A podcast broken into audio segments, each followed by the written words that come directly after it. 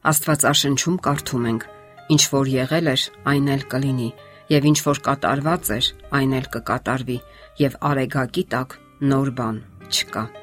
Այսօր մենք ապրում ենք տեխնոլոգիաների դարում եւ անհնար է շղթել դրանց դերը։ Դրանք դարձել են աշխատանքային գործիք եւ մեր կյանքի մի մասը,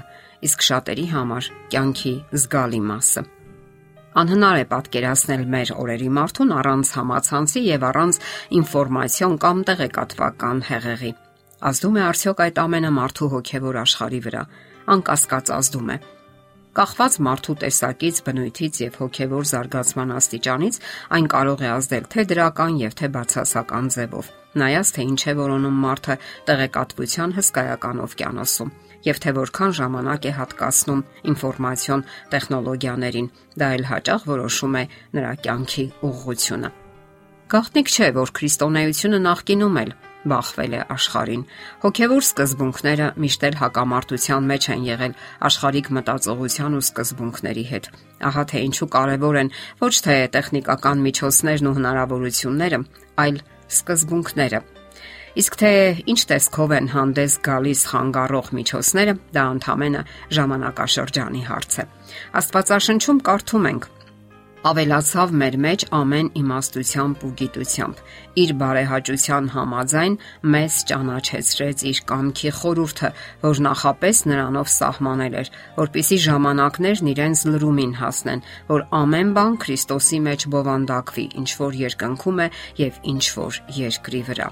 Այստեղ կարդում ենք, որ ամեն ինչ Քրիստոսի մեջ է բովանդակվում եւ ժամանակները կապ չունեն։ Պարզապես յուրաքանչյուր ժամանակ ունի իր առանձնահատկությունները։ Փոխվում են ժամանակները, սակայն չի փոխվում մարդը։ Նա շարունակում է մնալ մեղավոր եւ մահկանացու։ Ով ունի փրկության կարիք Հիսուս Քրիստոսի եւ նրա հավերժական խոսքի կարիքը։ Մենք նկատում ենք, որ մեր աշխարհում ամեն ինչ կրկնվում է հոգեբանության առումով։ Թեև փոխվում են տեխնոլոգիաներն ու գիտական նորույթները, Իսկ ահա մոտեցումները տեխնոլոգիաներին մնում են սկզբունքների եւ բարոյականության մակարդակում։ Քրիստոնյան պետք է կարողանա հասկանալ եւ ընկալել աշխարհը հոգեվոր աստվածաշնչյան մոտեցումներով, հոգեվոր աշխարհանկալմամբ։ Հիսուսը աշակերտներին բացատրում էր աշխարհը եւ հոգեվոր սկզբունքները առարկաների, པարս պատկերների միջոցով Այդ առակները նման չեն մեր օրերի հատուկ էֆեկտներին, սակայն կարողանում են բացատրել ու ցույց տալ անսովորը սովորականի մեջ։ Մեր օրերում շոու արվեստը գրավում եւ գայթակղում է մարդկանց ուղեղները։ Իսկ ահա քրիստոնյաները պետք է կարողանան շեղվել արհեստական ու մակերեսային մոտեցումներից, թափանցելով իրերի ու երևույթների խորքը Իսկ տեխնոլոգիաները միայն կարող են օգնել մեզ ել ավելի խոր ու գիտականորեն բացատրելու աշխարհը եւ կատարվող երևույթները։ Այստեղ տեխնոլոգիաները մեր ընկերներն են եւ օգնականը։ Ինչ աղբյուրներից են սնվում քրիստոնյաները։ Աստված առաջարկում է ճանաչել իրեն եւ իր խոսքը։ Աստված խոսում է մեզ հետ իր որդու, մարգարեների եւ իր ստեղծագործության միջոցով Նրա սուրբ խոսքը առանձնահատուկ հայտնություն է։ Իսկ ահա աշխարհն այսօր առաջարկում է իր մտեցումները եւ իր սնունդը։ Այնինչ առաջարկվում է մեզ հաճախ հավելյալ անկարևոր սնունդ է, որից հնարավոր չէ օգուտներ ստանալ։ Զանգվածային լրատվամիջոցները ամեն օր հսկայական քանակի ինֆորմացիա են առաջարկում մեզ, երբեմն հորինովի ու անկարևոր մտավոր շատակերություն։ Ահա թե ինչպես կարելի է բնորոշել մեր օրերի հիմնախնդիրը։ Ոչ միայն վատ սնունդ, այլև սնունդ հսկայական քանակի։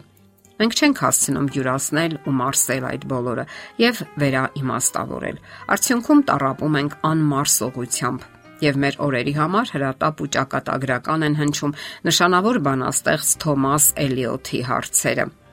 Իսկ որտեղ է գիտելիքը, որ կորել է այդ ողջ տեղեկատվության մեջ, իսկ որտեղ է իմաստությունը, որ կորցրել ենք մենք այդ բոլոր գիտելիքների մեջ։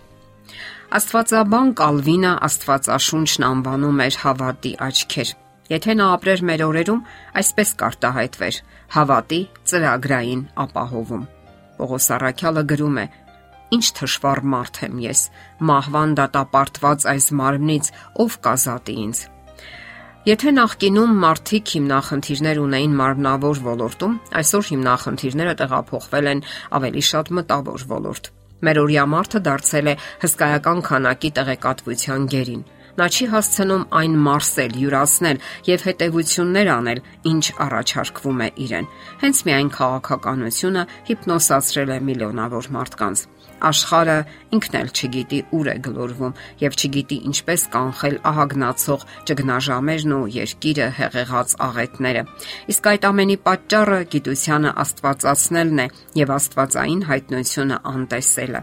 Եթե մեր տեսիլքը հավերժությունը չէ, եթե ճունենք կյանքի մարգարեական պատկերն ու ուղենիշը, ուրեմն ճունենք իմաստություն եւ կենտրոնանում ենք այս կյանքի նորությունների ու հետաքրքրությունների անցողիկ արժեքների վրա։ Մեզ առաջարկում են ընդունել ամեն տեսակի հետաքրքիր ու գայթակղիչ որոշումներ, մեկը մյուսից ավելի հետաքրքիր ու հաճելի, հարմար ու շահավետ, լինել ավելի խելացի եւ հարուստ։ Եվ այսպիսի աշխարհում դժվար է ճիշտ որոշում ընդունել։ Սակայն Աստված մեկ այլ կյանքի առաջարկում մեզ։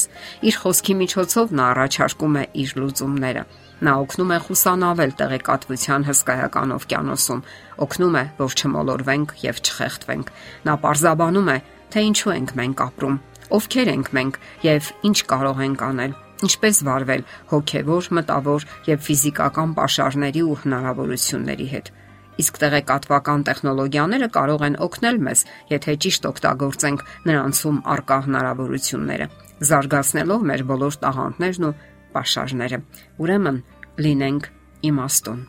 Եթերում ղողանջ հավերժության հաղորդաշարներ։ Հարցերի եւ առաջարկությունների համար զանգահարել 033 87 87 87 հեռախոսահամարով։